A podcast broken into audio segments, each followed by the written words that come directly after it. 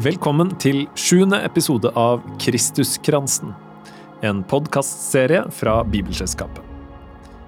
Dagens perle er de tre hemmelighetsperlene. Så finnes det også en egen introepisode som funker som en slags bruksanvisning for denne podkastserien, som går an å høre først, hvis du ikke har gjort det allerede. Kristuskransen er en invitasjon til et møte med deg selv og med Gud. Du kan begynne med å gripe Guds perlen, den gylne, og si til deg selv. Det er nå. Det er her. Det er til meg. Du kan tegne deg med korsets tegn, fra pannen til brystet, fra venstre skulder til høyre skulder. Med de runde perlene ber vi langsomt den bønnen Jesus lærte bort, Fader vår. Vår Far i himmelen.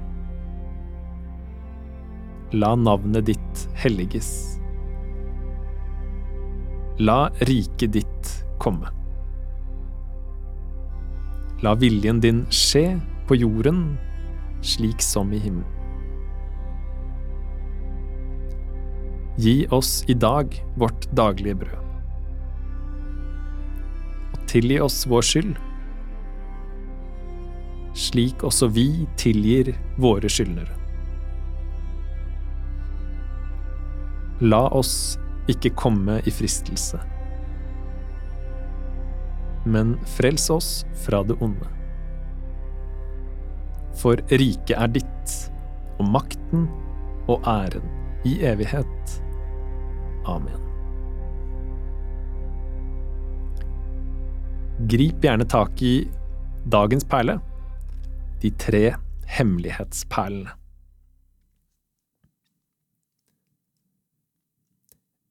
En historie har blitt hos meg i mange år, uten at jeg helt skjønner hvorfor, for den er ganske lite spektakulær. Det var to damer som kjente hverandre, en yngre og en eldre. Den yngre gikk til regelmessig veiledning hos den eldre, og det var fint, men igjen ikke spektakulært. Det var lavmælte møter uten store overskrifter. Den eldre var en god samtalepartner, men det var ikke noe sånn voldsomt bemerkelsesverdig ved henne. En natt drømte den yngre om den eldre, og i drømmen befant de seg begge i et hus, og den eldre åpnet en ganske skjult dør, som åpnet ut til en hemmelig hage. Og igjen, det var ikke begynnelsen av noe krim, det var ikke noe storslagent, det var en ganske alminnelig kjøkkenhage. Men det som var ualminnelig, var gleden og stoltheten som lyste i ansiktet til den eldre da hun holdt opp saftige, dyperøde, hjemmegrodde tomater. Det var en glede som berørte og smittet over på den yngre.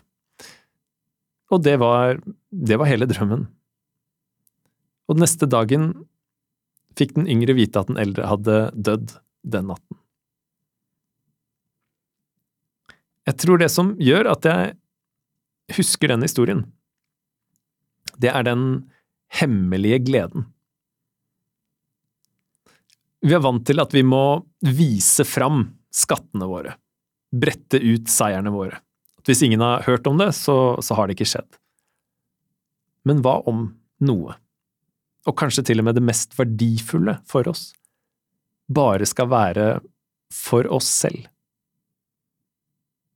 Men samtidig at nettopp den gode hemmeligheten likevel på en eller annen måte merkes hos de rundt oss siver ut som en behagelig duft. Blant de mange merkelige tingene ved Jesus er at han ofte ber folk holde kjeft om de mest dramatiske hendelsene som han gjør, og største innsiktene som de får i møte med ham. Men samtidig, eller kanskje nettopp derfor, bobler det opp en forundring og glede over hvem Jesus er, og som smitter over på folk som de selv møter. Dagens lesning er fra Evangeliet etter Lukas, kapittel 19.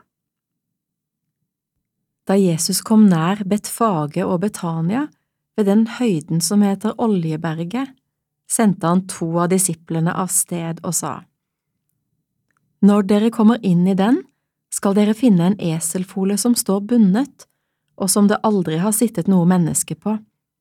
Løs den og lei den hit. Om noen spør dere hvorfor løser dere den, skal dere svare Herren har bruk for den. De to gikk av sted, og de fant det slik Herren hadde sagt. Da de løste folen, spurte de som eide den, Hvorfor løser dere folen? Herren har bruk for den, svarte de. Så leide de folen til Jesus, la kappene sine på den og lot Jesus sette seg opp og der han red fram, bredte folket ut kappene sine på veien.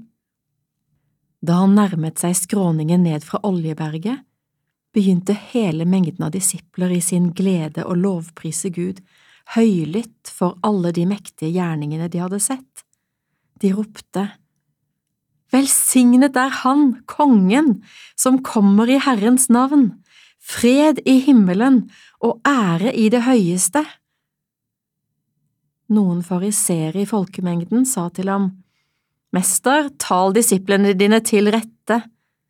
Men han svarte, Jeg sier dere, dersom de tier, skal steinene rope.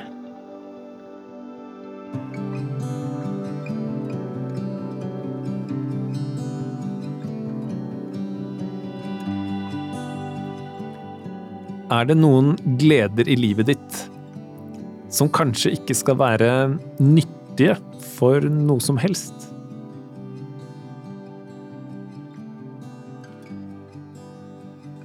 Kanskje noen vennskap, hobbyer, fysiske steder, gjenstander.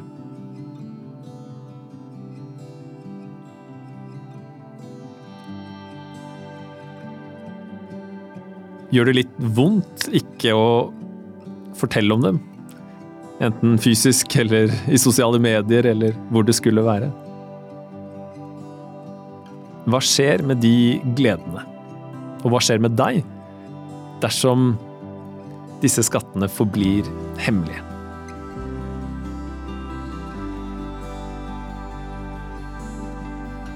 Nå inviteres du inn i en enda dypere stillhet, hvor du kan legge bort alle tankene og bildene, bare være sammen med Gud.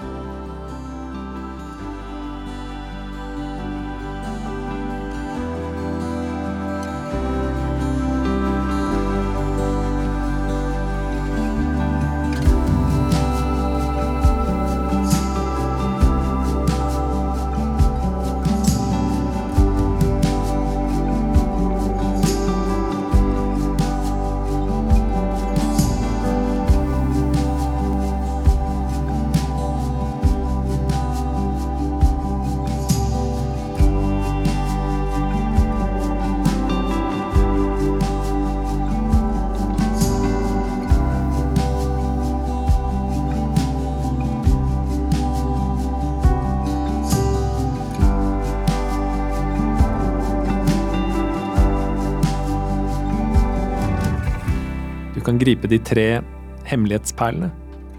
Er det noe, eller noen, du vil be spesielt for, eller takke for?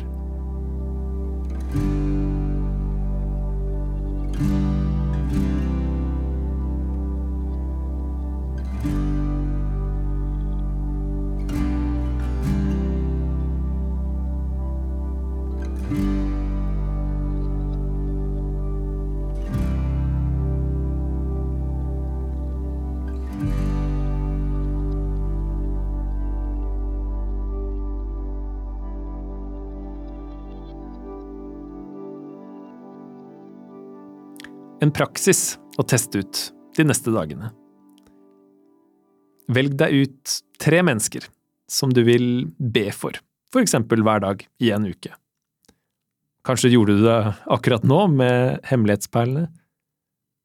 Etter en uke, kjenn etter om det har gjort noe med deg, og tenk etter om det har oppstått noe overraskende i omgivelsene dine. Til slutt kan du bruke de avlange stillhetsperlene til å be velsignelsen. Herren velsigne oss og bevare oss. Herren la sitt ansikt lyse over oss og være oss nådig. Herren løfte sitt åsyn på oss og gi oss fred. Avslutt med å gripe gudsperlen med ordene i Gud, Faderen, Sønns og Den hellige hans navn. Amen.